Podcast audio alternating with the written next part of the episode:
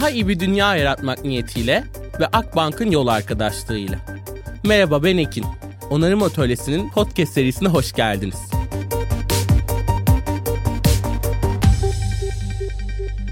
Kocaman bir merhabalar herkese. Bugün yine çok heyecanlı olduğum bir konuğum var. Sevgili Doktor Uygar Özesmi bizimle birlikte. Ben Uygar Hoca ile aslında hem Good for Trust'ta çalışırken oranın dostlarından biri, gönüllerinden biri olurken hem de bunun dışında mesele edinmeye, dünyayı iyileştirmeye dair sorular sormaya başladığımda, kendime dönmeye başladığımda yolumun sürekli çıktığı bir isimdi. Özellikle ekonomik modelleri olan takıntım ve dünyadaki yeni çıkış noktalarını aramaya çalıştığımda ben Uygar Hoca'dan çok fazla şey öğrendim. Bugün onarım atölyesinin postlarını hazırlarken bile onun söylediği şeyleri ondan duyduğum, öğrendiğim şeyleri post olarak aslında sizlerle de paylaşmaya, yaygınlaştırmaya çalışıyorum. Uygur Hocam hoş geldiniz, iyi ki geldiniz. Hoş bulduk. Ne güzel seninle böyle bir sohbet etmek. Çok teşekkürler hocam. Aslında bugün mesele edinmekten bahsettik ve sizden aldığımız, sizin verdiğiniz çok da meseleler olduğunu da bilen biri olarak ben biraz sizin hikayenizi sizden de dinlemek isteyeceğim. Sizin meseleleriniz neler, dert edindikleriniz neler ve aslında bu meseleleriniz bugünkü hikayenizde nasıl rol oynadı? Nedir sizin dertleriniz hocam? Yani şöyle ben çok küçük yaşlarda kuş gözlemcisi olarak başladım. 10 yaşımdan beri kuşları gözlüyorum. Bugün de gözlüyorum. Hatta bugün de birazdan dürbünü boynuma takıp çıkıp kuş gözleyeceğim.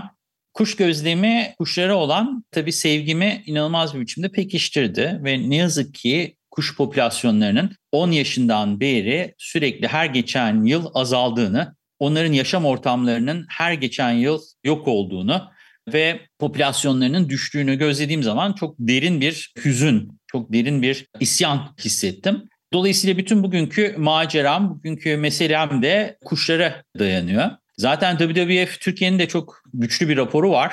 Yaşayan gezegen raporu orada da söylüyor bunu. 1970'lerden bugüne kadar gezegendeki bütün omurgalılar ama özellikle de kuşlar %70 oranında azalmışlar. Yani düşünün gökte 10 kuş varken şimdi gökte 3 kuş kalmış benim gençliğimden bu yana. Dolayısıyla biyolojik çeşitlilik krizi benim en büyük meselem. İnsan da bir canlı. Bu gezegendeki diğer canlılar gibi bir başka canlı. İnsanın gezegendeki varoluş biçimini gezegendeki diğer canlılarla ve gezegenin kendisiyle uyumlu hale getirmesi gerekiyor. Gezegenin bir ferdi, bu gezegen topluluğunun bir ferdi olarak hareket edebilmesi, bu gezegenle uyumlu var olması gerekiyor.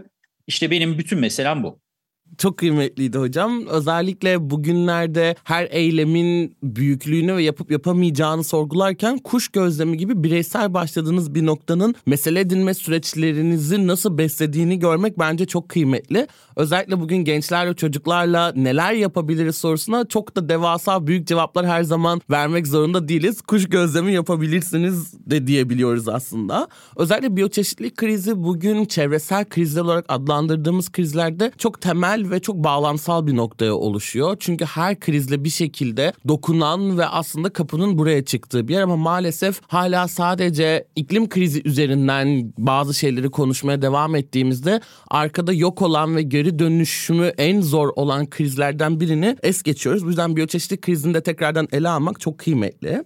Peki tüm bu çerçeve ve meseleleriniz içerisinde bugün bu gezegen topluluğunda belli ki bir sorun içerisindeyiz ve bir kriz yaşıyoruz. Aslında çoklu krizlerin hepsini birlikte yaşıyoruz. Sizce bu çevresel, sosyal, ekonomik krizlerin bu yaşadığımız günün içerisindeki temel kök problemler neler? Neden bunları yaşıyoruz? Bu soruyu biz kendimize defaten sorduk Ekin. Yani şöyle söyleyeyim ben biliyorsun hem Tema Vakfı'nın genel müdürlüğünü yaptım iki yıl boyunca. Ondan sonra da Greenpeace Akdeniz'in genel direktörlüğünü yaptım beş yıl boyunca. Ve çevre hareketinin içerisinde olup biyolojik çeşitlilik krizini, iklim krizini bu kadar derinden yaşayınca insanın aklına ilk gelen soru da senin sorduğun soru. Bunun kök nedeni ne? Yani ben bu işin kök nedenini çözersem acaba bu krizlerin önüne geçebilir miyim sorusu. Onun için bu kök neden sorusunu çok araştırdık. Tabii ki hiçbir zaman bir şeyin tek bir nedeni yoktur. Ama kökte en çok etkileyen ve değiştirdiğimiz takdirde en büyük etkiyi yaratabilecek nedeni araştırıp bulabiliriz. Bunun için de çok uğraştık. Hatta bununla ilgili çalışma grupları kurduk ve sonunda en büyük etki eden kök nedenin mevcut ekonomik sistem olduğuna sonucuna ulaştık. Dolayısıyla en çok etki edecek ve bu krizlerin önüne geçecek en etkili çalışmanın mevcut ekonomik sistemi değiştirmek, dönüştürmek ve insanlara umut vermek olduğunu gördük. Yani umut neyle verilir?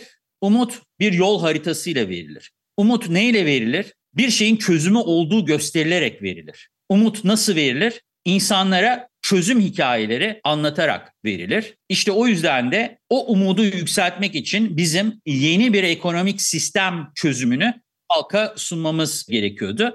Dolayısıyla bütün bu araştırmalar sonucunda ben ve arkadaşlarım ve ben ve düşünürler bunun kök nedeninin ekonomik sistem olduğunu ortaya koyuyor. Ben inanılmaz heyecanlıyım da aslında bu duyduklarımla birlikte. Yani bunları sizden ilk kez duyuyor olmamakla birlikte tekrar duyuyor olmak bana çok iyi geliyor.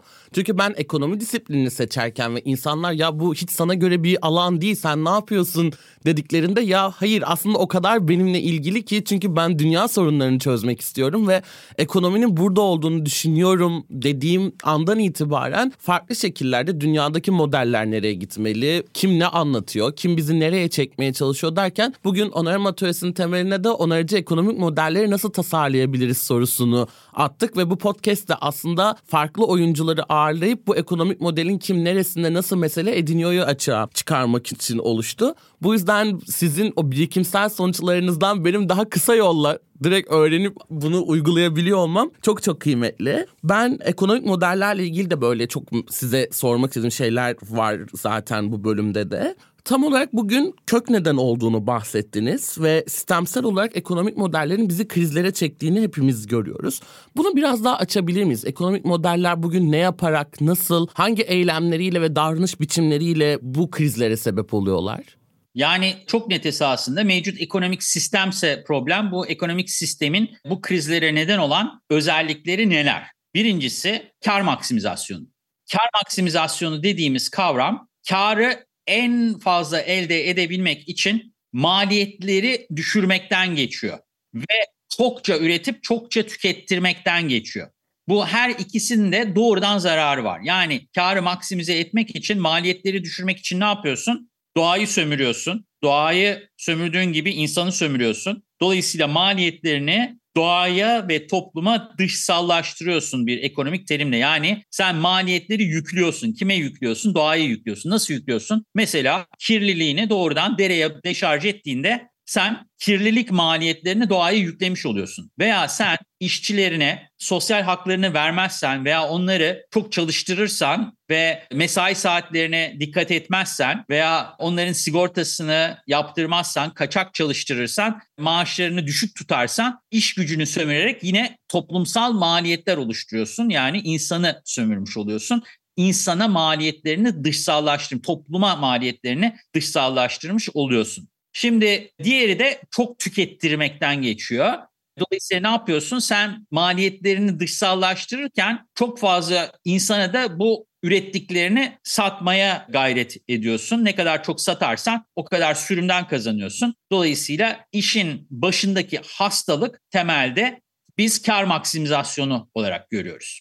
Şimdi kar maksimizasyonu en büyük hastalık. İkinci hastalıksa mevcut ekonomik sistem içerisinde aktörlerin yeterince çevresel ve sosyal bir çerçeve içerisinde politikalarının kurgulanmamış olması ve bu şirketlerin kar maksimizasyonunu yaparken mevcut yasal düzen içerisinde gerçekleştirmiş oldukları faaliyetlerin doğaya ve insana olan zararları ve bunu da devlet politikalarıyla güçlendiriyor oluşumuz. Buna da büyüme ekonomisi diyoruz. Yani ne yapıyoruz ekonomilerde? Biz ekonomileri büyütmeye çalışıyoruz ve bütün devlet politikaları veya şirket politikaları da büyümeye yönelik oluyor. Şimdi büyümek ne demektir? Daha çok arazi demektir. Yani daha çok habitat kaybı demektir. Büyümek ne demektir? Daha fazla malzeme kullanımı demektir. Daha fazla büyüme demek daha çok enerji kullanımıdır. Yani sen enerji, malzeme ve gezegenimizin toprağını, alanını daha çok kullanıyorsun anlamına geliyor. Bu da tabii ki mevcut Daki bu bütün krizlerin temelinde yatan şey. Yani kar maksimizasyonu, büyüme ve bunlara ilişkin politikalar ve hukuki düzenlemeler. Bu hepimiz için sorguladığımızda da temel bir reçete de sunuyor bence bize nereye nasıl dokunmamız gerektiğiyle ilgili. Şu anda bahsederken de ve benim sizin makalenizden de aldığım bir soruyu hızlıca da araya almak istiyorum. Doğal kaynak kullanmıyorsunuz ve doğal varlık tercih ediyorsunuz. Aynı şekilde insan kaynağı da demenin bugün doğru olmadığını düşündüğüm bir noktadayım. Çok ara bir soru olarak sizce neden doğal kaynak değil doğal varlık? Şimdi doğal varlık dememizin nedeni bizim onları sömürülecek, kullanılacak bir şey olarak değil, kendi başına içsel bir değeri olan birer varlık, birer canlı veya cansız varlık olarak görüyor oluşumuz. Yani sen bir mermer ocağını kaynak olarak görüp oradaki mermeri çıkartıp kullanabilirsin. Ama mermeri bir varlık olarak gördüğünde o mermere olan davranışın, o mermere olan saygın, o mermeri çıkardığın yere olan saygın, o mermeri çıkardıktan sonra, kullandıktan sonra oradaki taş ocağının rehabilitasyonu konusundaki, mermer ocağının rehabilitasyonu konusundaki davranışını hepsini etkileyen bambaşka bir felsefeye ve yaklaşıma geçmiş oluyorsun. Bizim temelde canlı cansız her şeye varlık dememizin nedeni, kaynak demememizin nedeni kendimize eşit görmemiz. Yani Good for Trust hareketinin içerisinde, Good for Trust'ta, türetim ekonomisi hareketinin içerisinde biz temelde altın kuralı benimsiyoruz. Altın kuralda diyor ki sana davranılmasını istemediğin şekilde başkalarına davranma. Şimdi sen o başkasını, başka canlı ve cansızlar dersen o başkası sana davranılmasını istemediğin gibi mermere de davranma anlamını taşımaya başlıyor. Birisi senin kolunu kessin, bir yerlerde kullansın istemiyorsan o zaman senin de o mermeri kesip başka bir yerde kullanmaman gerekiyor. Ha şimdi diyeceksin ki o zaman hiç mi mermer kullanmayacağız? Hayır ben sana hiç mermer kullanma demiyorum ama bu paradigmayla hareket et. Bu kafa yapısıyla hareket et diyorum. Çünkü o zaman senin o mermere olan davranışın kolunu kesmek kadar değerli bir davranış haline gelecek. Ve o zaman doğayla olan ilişkin de mümkün olduğunca hiç kesmemek. Mümkün olduğunca o mermeri kullanmamak. Kullanmak zorunda olduğunda da, zorunda olduğunda da ona en fazla değeri, en büyük saygıyı göstererek kullan anlamını taşıyor. Yani dolayısıyla paradigmatik bir değişiklik burada söz konusu. Senin dünyaya bakışını değiştiren bir şey söz konusu, yaklaşım söz konusu. Onun için de biz diyoruz ki doğadaki hiçbir şey bir kaynak değil, Doğadaki her şey bir varlıktır ve o varlık hissiyle sen nasıl bir varlıksan onlar da bir varlıktır ve ona kendine davranılmasını istediğin gibi davranmalısın diyoruz. Bu aslında birçok şeyin temeline bana adaleti koymayı da beraberinde hissettirdi. Çünkü bugün genellikle doğaya ve bizim sistemlerimizin dışında o karı büyüten veriler ve denklemlerin dışındaki şeyleri genel olarak çok öteki ve dışarıda bırakıp onlara bir hak vermiyoruz. Bir doğanın da bir hakkı olduğunu, bir kişilik hakkıyla savunulması gerektiğini çok göz ardı ediyoruz. Bu yüzden doğaya da bir kişisel hak tanıma alanının da bir başlangıcını verebileceğini hissettim. Bu bana çok iyi geldi. Ve Türetim ekonomisinden Good for Trust'tan bahsettik. Türetim ekonomisi ben özellikle ekonomi alanında yeni çıkışlar neler olabilir diye düşündüğümde yolumun kesiştiği ve beni gerçekten örnekleriyle birlikte daha iyi bir dünya yaratabileceğime inandıran bir model oldu. Bu ekonomik modeli bize biraz anlatır mısınız? Ne diyor türetim ekonomisi bize ve bu ekonomik modele geçmek sahiden mümkün mü hocam? Bence kesinlikle mümkün. Çünkü doğada olan, şu anda işleyen ve var olan bir ekonomik sistem. Şimdi türetim ekonomisini şöyle tanımlayalım. Türetim ekonomisi içinde hem üreten hem de kullanan bireylerin ve organizmaların olduğu bir topluluk. Yani üreticilerden ve türeticilerden oluşuyor diyoruz. Ama her bir üreticinin de bir türetici, her bir türeticinin de bir üretici olduğunun farkındalığıyla ikisinin birleşiminden oluşan türetim ekonomisi diye bir ekonomiden bahsediyoruz. Bu da doğal olarak kendi içinde döngüselliği barındırıyor. Yani her ekonomik faaliyetin bir döngüsellik içerisinde gerçekleşmesi gerekliliğini ortaya çıkartıyor. Dolayısıyla makro ölçekli bir döngüsel ekonomi. Burada özellikle makro ölçekli bir döngüsel ekonomi diyoruz. Çünkü sadece bir ürünün döngüselliğinden bahsetmiyoruz, işletmeler arası döngüsellikten bahsediyoruz. Yani herhangi bir işletmenin bütün girdilerinin döngüsel bir sistemden gelmesi ve o döngüsel sistemden gelenlerin bütün girdilerinin de bir başka döngüsel sistemden gelmesinden bahsediyoruz. Bu sistemde ekolojik ve sosyal adaletin sağlandığı altın kuralla hareket edildiği demin bahsettiğim sana davranılmasını istemediğin gibi başkalarına davranma prensibinden, etik prensibinden yola çıkarak oluşmuş bir ekonomiden bahsediyoruz. Bir makro ölçekte döngüsel bir ekonomiden bahsediyoruz ki burada dışsallaştırmalar da minimize ediliyor veya mümkünse ortadan kaldırılıyor. Dolayısıyla doğaya ve insana olan zarar da ya en aza indiriliyor ya yok ediliyor ya da faydaya dönüştürülüyor ki işte o orada da onarıcılık ortaya çıkıyor. Onarım atölyesindeki gibi. Yani sen ekonomik faaliyetini doğayı zenginleştiren, doğayı daha da iyiye götüren bir şekilde yapabiliyorsan ne güzel o zaman doğaya sadece bir kaynak gibi değil bir varlık gibi görüp hakikaten doğaya vermiş oluyorsun. Şimdi bunun en güzel örneği, var olan örneği Amazon ormanları. Amazon ormanları sürdürülebilirlik, sürdürülebilirlik diyoruz ya ağzımızı böyle doldura doldura. 55 milyon yıldır var olan bir ekonomiden bahsediyoruz Amazon ormanlarının. Ya bundan daha sürdürülebilir bir şey olabilir mi? 55 milyon yıldır var. Ve üstelik 55 milyon yıldır ne bu gezegeni sömürmüş, ne bu gezegene zarar vermiş. Bu gezegene sadece fayda sağlamış. Onarmış gezegeni yani. Gezegeni onaran bir Amazon ormanından bahsediyoruz. Ve bu Amazon ormanı bir yılda 4 milyar dolar kar elde ediyor. Bugünün fiyatlarıyla 2022 fiyatlarıyla 4 milyar dolar kar elde ediyor her yıl. Bize dağıtıyor üstelik bu karı bedava olarak. Şimdi gezegenin en büyük 20 şirketinin karları 4 milyar dolar etmiyor toplamda. Yani baktığımız zaman aynı zamanda inanılmaz derecede karlı bir şey. Yani karı maksimize etmiyor ama. Fakat inanılmaz derecede karlı ve bu karı da hissedarlarına dağıtıyor. Kim bu hissedarlar? Gezegende yaşayan diğer canlılar başta insanlar olmak üzere bundan 4 milyar dolar insanlara kar olarak aktarıyor bu gezegenin hissedarlarından bir tanesi olarak. Şimdi baktığımız zaman madem Amazon ormanı var, madem bu kadar iyi işliyor, madem bu kadar güçlü bir ekonomi, madem bu kadar artı değer yaratıyor, madem bu kadar sürdürülebilir, bu kadar gezegene zarar vermiyor. O zaman biz niye bir Amazon ormanı şeklinde örgütlemiyoruz ekonomimizi? İşte türetim ekonomisi bir Amazon ormanı veya bir Baykal Gölü. Alın Baykal Gölü'nü inceleyin aynı şeylerle karşılaşacaksınız. Amazon ormanı nasıl işliyorsa Baykal Gölü de öyle işliyor. Yeter ki biz insan olarak Baykal Gölü'nü kirletmeyelim, Amazon ormanlarını kesmeyelim. Yeter ki biz insan ekonomisini bir Baykal Gölü, bir Amazon ormanı şeklinde kurgulayalım, işletelim, bir araya getirelim. Daha iyi bir dünya yaratmak niyetiyle ve Akbank'ın yol arkadaşlığıyla onarım atölyesine kaldığımız yerden devam ediyoruz. Çok güzel bir bakış açısı bu bence hocam kesinlikle. Özellikle yaşayan sistemler üzerinden yeni modeller çıkarmaya gitmek. Çünkü bugün biz modeller yaratıyoruz ama modeller bizim istediğimiz çıktılara odaklanıyorlar ve bizim yaşam pratiklerimizi yansıtması gerekirken bizim daha fazla kazanmak üzerine istediğimiz şeyleri çıktı hedefliyorlar. Hani bunu hep konuşurken de sistemler yanlış tasarlanmaz. Sistemler istedikleri çıktılara göre tasarlanırlar noktasında buradaki o hissedar olma ve diğer hissedar iktidarlara paylaşma mantığını doğadan öğrenerek ekonomilere yansıtmak bugün belki de gerçekten hangi modele ihtiyaç duyuyoruz diye iktisat fakültelerinde, ekonomi fakültelerinde deliler gibi tartışıldığında çok çok basit sadece biraz bakmak gerektiğini gösteriyor.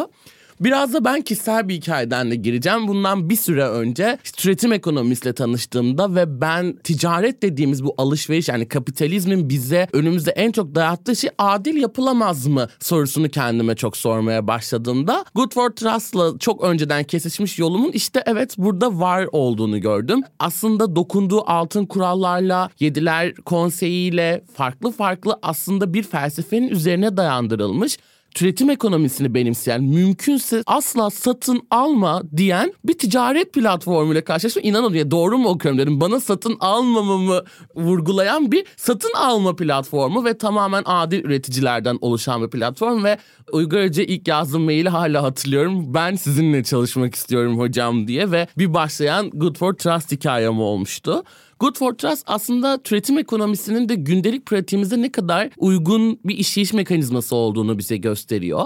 Bir adil paylaşım alanı, bir iyilik paylaşma alanı Good for Trust. Nasıl doğdu, nasıl ilerledi, bugün kapsayıcı bir sistemi var, nasıl gidiyor? Bir baştan sona size Good for Trust'ı felsefesini ve yaptıklarını sizden dinleyebilir miyiz? Tabii seve seve. Şimdi tabii türetim ekonomisi, türetim ekonomisi diyoruz. Bu insanlara hani biraz soyut gelebilir. Yani şimdi ben de size anlattım bir Amazon ormanı gibi bir ekonomi Şimdi bu biraz hani soyut bir kavram gelebilir. Tabii bunun detaylarını da esasında yazdık. Yani türetim ekonomisi nedir? Nasıl işler? Bunun kitabını Çıkış Yolu Türetim Ekonomisi diye Ece Satıcı ile birlikte yazdığım bir kitap var. Yeni İnsan Yayın Evi'nden yayınlandı. Dolayısıyla hani türetim ekonomisinin daha detaylı analizine, nasıl işlediğini, Good for Trust örneğini falan dinleyicilerimiz daha derinlemesine bakmak isterlerse çıkış yolu türetim ekonomisi kitabını okuyarak buna ulaşabilirler. Tabii yine kitapta bahsettiğimiz şeylerden bir tanesi goodfortrust.org çünkü goodfortrust.org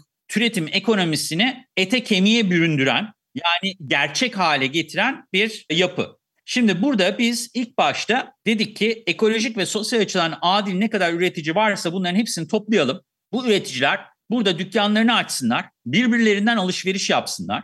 Aynı zamanda türetici dediğimiz insanlar, sokaktaki insanlar, işletmeler değil, insanlar da üye olsunlar. Onlar da buradan ihtiyaçlarını karşılayarak yaşamlarını sürdürebilsinler. Onlar ihtiyaçlarını karşılarken belki dışarıda yani herkesin yani hiç kimse sütten çıkmış ak kaşık değil. Hepimiz sorumluyuz ama bazılarımız zorunluluktan dolayı pek de istemediğimiz işlerde çalışıyoruz. Mesela silah endüstrisinde çalışan, vicdanı ve kendine rahatsızlık veren insanlar var.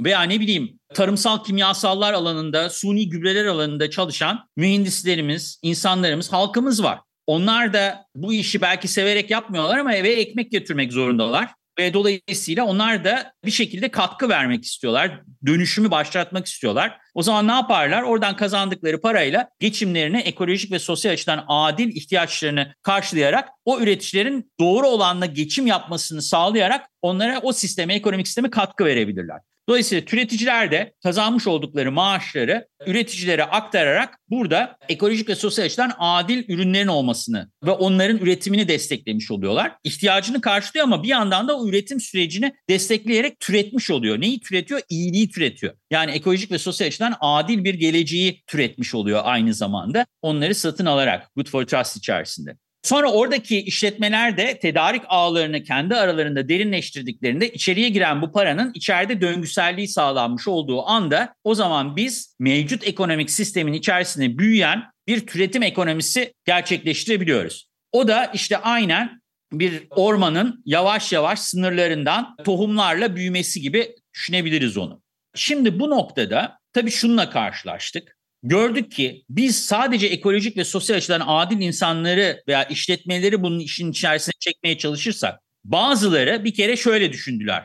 Çok eleştirel olduğu için bu insanlar zaten ileriyi gördükleri için ya ben acaba ekolojik ve sosyal açıdan kendimi adil görmüyorum ki zaten. Hani dedim ya kim sütten çıkmış ak kaşık.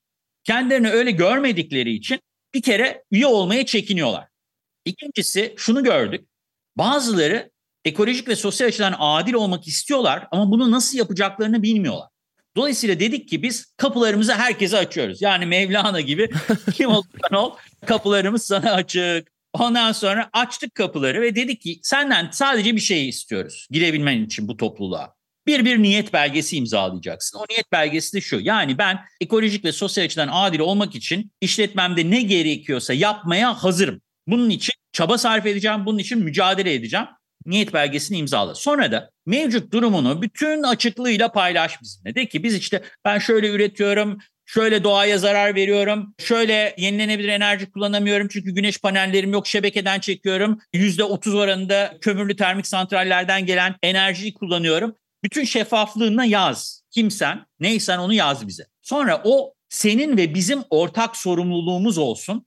Seni daha iyiye götürüp sistemlerini daha ekolojik ve sosyal açıdan adil yapman konusunda topluluk olarak, Good for Trust topluluğu olarak, adil üreticiler olarak, azimli üreticiler olarak, niyetli üreticiler olarak hep birlikte birbirimizi destekleyerek, dayanışarak, güçlendirerek ortak bir ekonomiye doğru birlikte hareket edelim dedik ve bunun sayesinde de şimdi etkimizi çok daha iyi gerçekleştirebiliyoruz. Üstelik adil üreticilerimiz kendi tecrübe ve birikimlerini de onlar gibi adil olmak isteyenlere aktarabiliyorlar. Dolayısıyla bu kapsayıcılık sistemi de bence çok daha dönüştürücü bir mekanizmaya kendisini evriltti. Hep beraber bakalım üretim ekonomisini Good for Trust'ta büyütüyoruz. Kesinlikle ben hem iyilik şenliklerinde Good for Trust'ın hem de aslında Good for Trust bir ekosistem ve orada herkes var. Yani üretici, türetici ve birçok alanda beslenebileceğiniz, öğrenebileceğiniz, paylaştığı iyiliklerden bile bir şeyler çıkarabileceğiniz birçok insanın bir araya geldiği bir yer. Hatta Onarım Atölyesi Podcast'te Good for Trust'ta da üretici olan Farg Organik'ten Burak, Yediler Konserinden Defne Kor Yürek geldi. Hayatınızın birçok noktasında da kesişimsel olarak bir arada olduğunuz bir topluluğun parçası oluyorsunuz. Bu çok iyi hissettiriyor. Özellikle yalnız kaldığınızı hissettiğinizde veya ne yapacağınızı bilemediğinizde yargısız bir şekilde soru sorabileceğiniz insanların olduğunu bilmek bence bugün dünyayı onarma biçimi olarak çok iyi hissettiriyor. Ve özellikle kapsayıcılık diye bugün yine sürdürülebilirlik gibi çok konuştuğumuz bir kavramda bu kadar adil üretici üzerine giden bir oluşumun diğerlerini geride bırakmak yerine onları da dönüşüm bir parçası yapmak için alan açması, niyet etmesi bence bugün makro düzeyde neyi nasıl yapmamız gerektiğini gösteriyor. Çünkü mikro denemelerin makro yansımalarının mümkün olduğuna hep inanan biri olarak bunu çok çok kıymetli ve beni huzura eriştiren bir şey olarak görüyorum. Uzun zamandır da huzurlu hissetmenin zor olduğu bir çağdayken özellikle. Ne mutlu bize. Bununla birlikte hocam aslında Good for Trust bir sosyal girişim ve burada çok fazla sosyal girişimciyi ağırlıyoruz. Aynı zamanda Onarım Atölyesi'de bir platform olarak sosyal girişimciliği daha iyi anlamak, anlatmak üzerine de çalışmaları var. Sizce bu tüm süreç içerisinde sosyal girişimcilik nasıl bir yeni dünya düzeninde, yeni daha onarıcı ekonomik modellerde nasıl bir rol oynuyor? Neden bugün sosyal girişimciliği daha fazla anlamalı, anlatmalıyız? Sizden duymak çok güzel olur. Ben şuna inanıyorum. Geleceğin bütün şirketleri birer sosyal girişim olacak. Daha doğrusu ekolojik ve sosyal girişim olacak. Yani sosyal girişim dediğimizde biz otomatik olarak sosyal girişimin içerisinde ekolojiyi de katarak diyoruz bunu. Ama hani burada vurgulamak önemli. Sosyal girişim sadece sosyal girişim değildir. Ekolojik açıdan sürdürülebilir değilse yani ekolojiye de sosyale verdiği önemin aynısını vermiyor ise bir sosyal girişim sosyal girişim değildir. Şimdi sosyal girişim tanımındaki en önemli noktalardan bir tanesi elde etmiş olduğu karın en az %51'ini yeniden sosyal girişime veya başka sosyal faydaya yatırım olarak koyar gibi bir kuralı vardır sosyal girişimlerin. Dolayısıyla elde ettiği karın zaten %51'ini geri yatırıyorsa burada kar maksimizasyonundan bahsetmemiş oluyoruz kar optimizasyonundan bahsediyoruz. Yani kar burada esasında bizim ekolojik ve sosyal faydayı maksimize etmek için ekolojik ve sosyal faydayı en fazla yaratmak, dolayısıyla da onarmak olduğu bir yapıdan bahsediyoruz. Dolayısıyla sosyal girişimler hem ekolojik ve sosyal fayda yaratırlar, yaratmak zorundadırlar. Bunu göstermeliler. Yani ekolojik ve sosyal fayda yarattıklarını da raporlayabilmeliler, şeffaf olmalılar. Elde etmiş oldukları karın en az %51'ini tekrar yatırım olarak ya o sosyal girişime ya da başka sosyal girişimlere yatırım olarak vermeleri gerekir. Karlarının en az %51'i ve tabii ki bir ürün veya hizmet üretimi yapmaları gerekir. Yani mesela sen burada onarım atölyesinde insanları bilgilendirme hizmeti veriyorsun. Biz for bir dijital kamu hizmeti sağlıyoruz. Nedir dijital kamu hizmeti olarak? Ben üreticilerin bir platformda bir araya gelerek topluluk oluşturmalarını, tedarik ağlarını kendi aralarında derinleştirmelerini ve türeticilerle buluşmalarını ve bütün bu süreçleri organize eden bir dijital kamu hizmeti sunuyorum. Benim de hizmetim bu sosyal girişim için. Bu hizmeti ortaya koyabilmek için de ne yapıyorum? Üreticilerimin satışlarından bir katkı payı alıyorum. O katkı payıyla ben o sisteme ayakta durması için gerekli olan geliri sağlıyorum. O hizmet karşılığında o hizmeti bir ölçüde satıyorum sattığım hizmetin karşılığında bir gelir elde ediyorum. O elde ettiğim gelirin sonunda yıl sonundaki karına baktığım zaman en az %51'ini de tekrar o işletmeye, sosyal girişimlere yatırıyorum. Bu sosyal girişimin kuralı. Şimdi sosyal girişimlerde bir başka kural daha var. O da modelleme kuralı. Sosyal girişimlerde sen başkalarına kendi modelini özgürce verirsin ve onların da bunu yapmalarını sağlarsın. Yani dolayısıyla bir sosyal girişim bu benim patent hakkımdır, bu benim modelimdir. Başka hiç kimse bunu yapamaz, edemez demez. Sosyal girişimler der ki al beni istediğin gibi kopyala git sen daha iyisini yap der. Derdi kar elde etmek değil, karını maksimize etmek değildir. derdi faydasını ve ekolojik etkisini maksimize etmektir.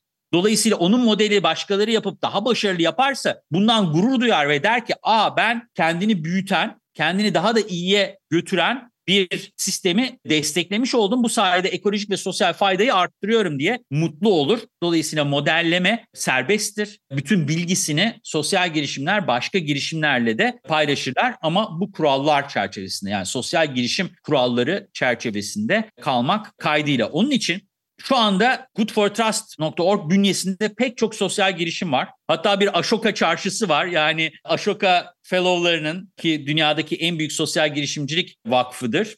Destekleyen sosyal girişimciliği. Onların fellowlarının desteklediği sosyal girişimcilerin bir çarşısı var. Ashoka Çarşısı diye Good for Trust'a girerseniz. Ama biz şunu başkaları da var bu arada. Yani Ashoka Fellow olmayan başka sosyal girişimler de var. Good for Trust üzerinde İKO gibi, önemsiyoruz gibi. Burada önemli olan şey bunları çoğaltmak ve ileride ben onu yüzde yüz eminim. Biz bu gezegende var olacaksak, bu gezegenle uyumlu bir varoluş yakalamış olacaksak o zaman dünyadaki bütün işletmeler ekolojik ve sosyal açıdan adil birer işletme olacak. Çok çok kıymetliydi bu. Özellikle çarşıdan da bahsettiğinizde bana çarşı kavramı da çok iyi gelmişti. Yani var olan şeyin o sosyal dinamikleriyle birlikte bir alışveriş sepeti değil, bez torbamla birlikte gittiğim ve bir diyalog kurduğum bir çarşı olma fikri çok iyi gelmişti. Özellikle İzmir çarşısında olduğu dönemde yereli de kapsayan o oraya da vurgu yapan çarşıları görmek çok güzel. Ya ben tamamen Good for Trust ve üretim ekonomisiyle ilgili gerçekten ideale doğru koşan ve küçük kendimizi denediğimiz bir bir deney alanı olarak da görüyorum ve bu deneylerin bu kadar başarılı sonuçlar verebildiğini görmek bunu dünya içinde mümkün olduğunu kesinlikle gösteriyor. Özellikle sosyal girişimlerin artık hem çalışanların adil kazanması yani bugün her şey zaten sosyal anlamda bir şeyi doğru bölüştürememekten geliyor. Bana kalırsa iklim krizi çevresel bir kriz de değil artık bir sosyal kriz çünkü nasıl çözeceğimizi biliyoruz ama adaleti ve dağıtımı temele alamadığımız için bu sosyal demokrasi, liderlik ve paylaşım krizlerini çözemiyoruz. Tam bu noktada da hem kendi hissedarları hem çalışanları tüm içinde bulunduğu ekosistemle birlikte her şeyi en iyi şekilde dağıtmaya, korumaya ve onarmaya çalışmak gerçekten yeni çağı onarmak için de sosyal girişimciliğin çok önemli bir adım olduğunu gösteriyor.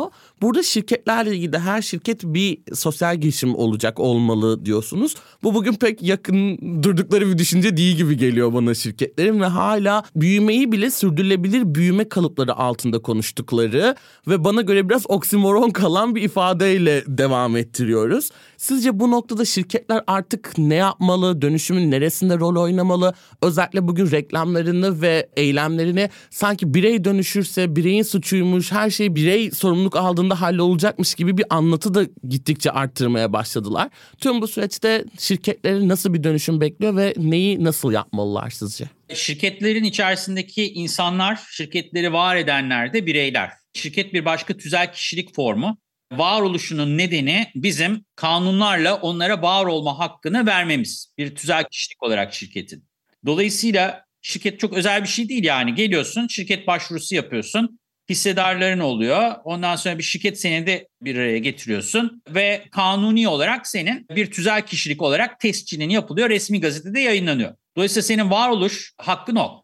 İster bir şirket ol bu şey için de geçerli. Vakıflar için de aynen aynı şekilde. Vakıflar da resmi gazetede yayınlanıyor. Başvurunu yapıyorsun. O da bir tüzel kişilik. Bir dernek de bir tüzel kişilik. O da aynı şekilde kurucular bir araya geliyor. Bir dernek kuruyor. Bir tüzel kişilik olarak o kendini kaydediyor. Şimdi ilk başta dernek, vakıf ve şirket arasında hiçbir fark yokmuş. Yani Rusya'daki şirketler kanununa baktığınızda ortaya ilk e, çıkışında diyor ki ben sana topluma faydalı olman koşuluyla tüzel kişilik hakkını veriyorum diye yazmış. Şu andaki şirketlerin çoğunun ne topluma faydası var ne de gezegene faydası var. Dolayısıyla tek bir kanun değişikliğiyle hepsini lağvedersin. Tüzel kişilikleri kalmayı verir. Çok basit, çok net. Yani tek bir kanun maddesiyle dersin ki bana ekolojik ve sosyal faydasını net bir şekilde kanıtlayamayan şirketlerin varlığını iptal ettim. Bitti. Bitti. Bu kadar net. Tabii bunu yapmayalım bence. Toplumsal kaosa neden oluruz. Ama bunun yerine ne yapalım? Bunun yerine şöyle bir kanun çıkartalım. Diyelim ki bütün şirketler bundan sonra ekolojik ve sosyal faydalarını kanıtlamak zorundadır. Ve bu ekolojik ve sosyal faydalarını kanıtlarken de mutlaka bunu bağımsız kurullar ve bağımsız sistemlerle topluma ilan etmek zorundadırlar. Şimdi bunu zorunluluk olarak haline getirdiğinde bütün şirketler varlıklarını koruyabilmek için hızlı bir şekilde dönüşüme girecekler. Bunun için de belirli süreler verirsin. O süreler içerisinde de bunları gerçekleştirmeleri için ne denir? Sistemi dönüştürürsün. E zaten şirketler ekolojik ve sosyal faydalarını bilanço olarak kanıtlamak zorunda kalırlarsa o zaman hızlı bir şekilde dönüşeceklerdir diye düşünüyorum. Yani çok zor değil. Dolayısıyla her birini de birer sosyal girişime çevirmiş oluruz.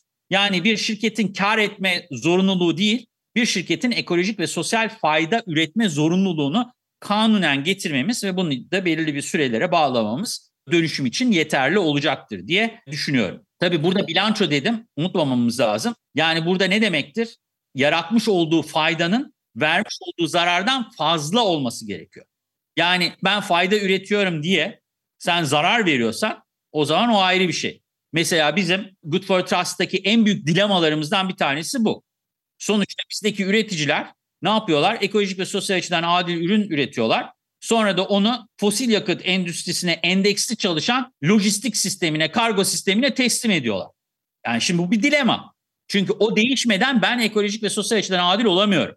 Dolayısıyla ne olacak? Kargo şirketinin de toplam faydasının yani benim ürünümü taşımandan gelen ekolojik faydanın fosil yakıt yakarak verdiği zarardan bilançosunu sunması gerekiyor. O zaman ne yapacak? Diyecek ki ha ben elektrikliye dönmek zorundayım. Bilançom pozitife dönmesini istiyor isem şayet. O zaman ben yerel ağları güçlendirmeliyim, bilançomun pozitifine dönmesini istiyor isem şayet diye düşünmeye ve ona göre örgütlenmeye başlaması gerekiyor. Lojistik şirketinin oturup da karını maksimize etmek üzerine ucuz ucuz fosil yakıtları yakarak hareket etmemesi gerekiyor ve dolayısıyla iş modelini dönüştürmesi gerekecek. Bu çok önemli. Özellikle bugün tedarik zincirini ve değer zincirinin de nereye gittiğini konuşacaksak yani özellikle markalara sorduğum soru %100 sürdürülebilir bu ürün diyor. Ya mümkün değil. Üründeki ürünün sen, sana göre sürdürülebilir olması onu %100 sürdürülebilir yapamıyor. Yani buraya neyle geldi, neyle paketlendi, ne, bu tüm tedarik ve değer zincirinin onu üretimindeki ve taşınmasındaki her noktasındaki çalışan eşit ücretini alabildi mi? Bu soruların hepsini sorduğumuzda zannediyorum bugün dünyada yüzde sürdürülebilir diyebileceğimiz hiçbir hizmet veya ürün de henüz yok. Bu yüzden tüm bu dönüşümü anlamak noktasında bu bence çok kıymetli ve bir diğer noktada da bugün devleti bu kadar geri planda bırakan ekonomik sistemler içerisinde devlete bir diktatör rolünü de tabii ki vermeden ama onu da aktif ve hesap verebilir ve verilebilir hale getirmenin de ne kadar önemli olduğunu görüyoruz. Bu bana da iyi bir aslında çıktı noktası da oldu. Çok teşekkürler hocam. Ben şöyle söyleyeyim. Devlet biziz. Kanunları da biz koyuyoruz halk olarak. Demokrasi değil mi? Yani ben şey seçiyorum, bir milletvekili seçiyorum. O milletvekili de gidiyor kanun yapıyor.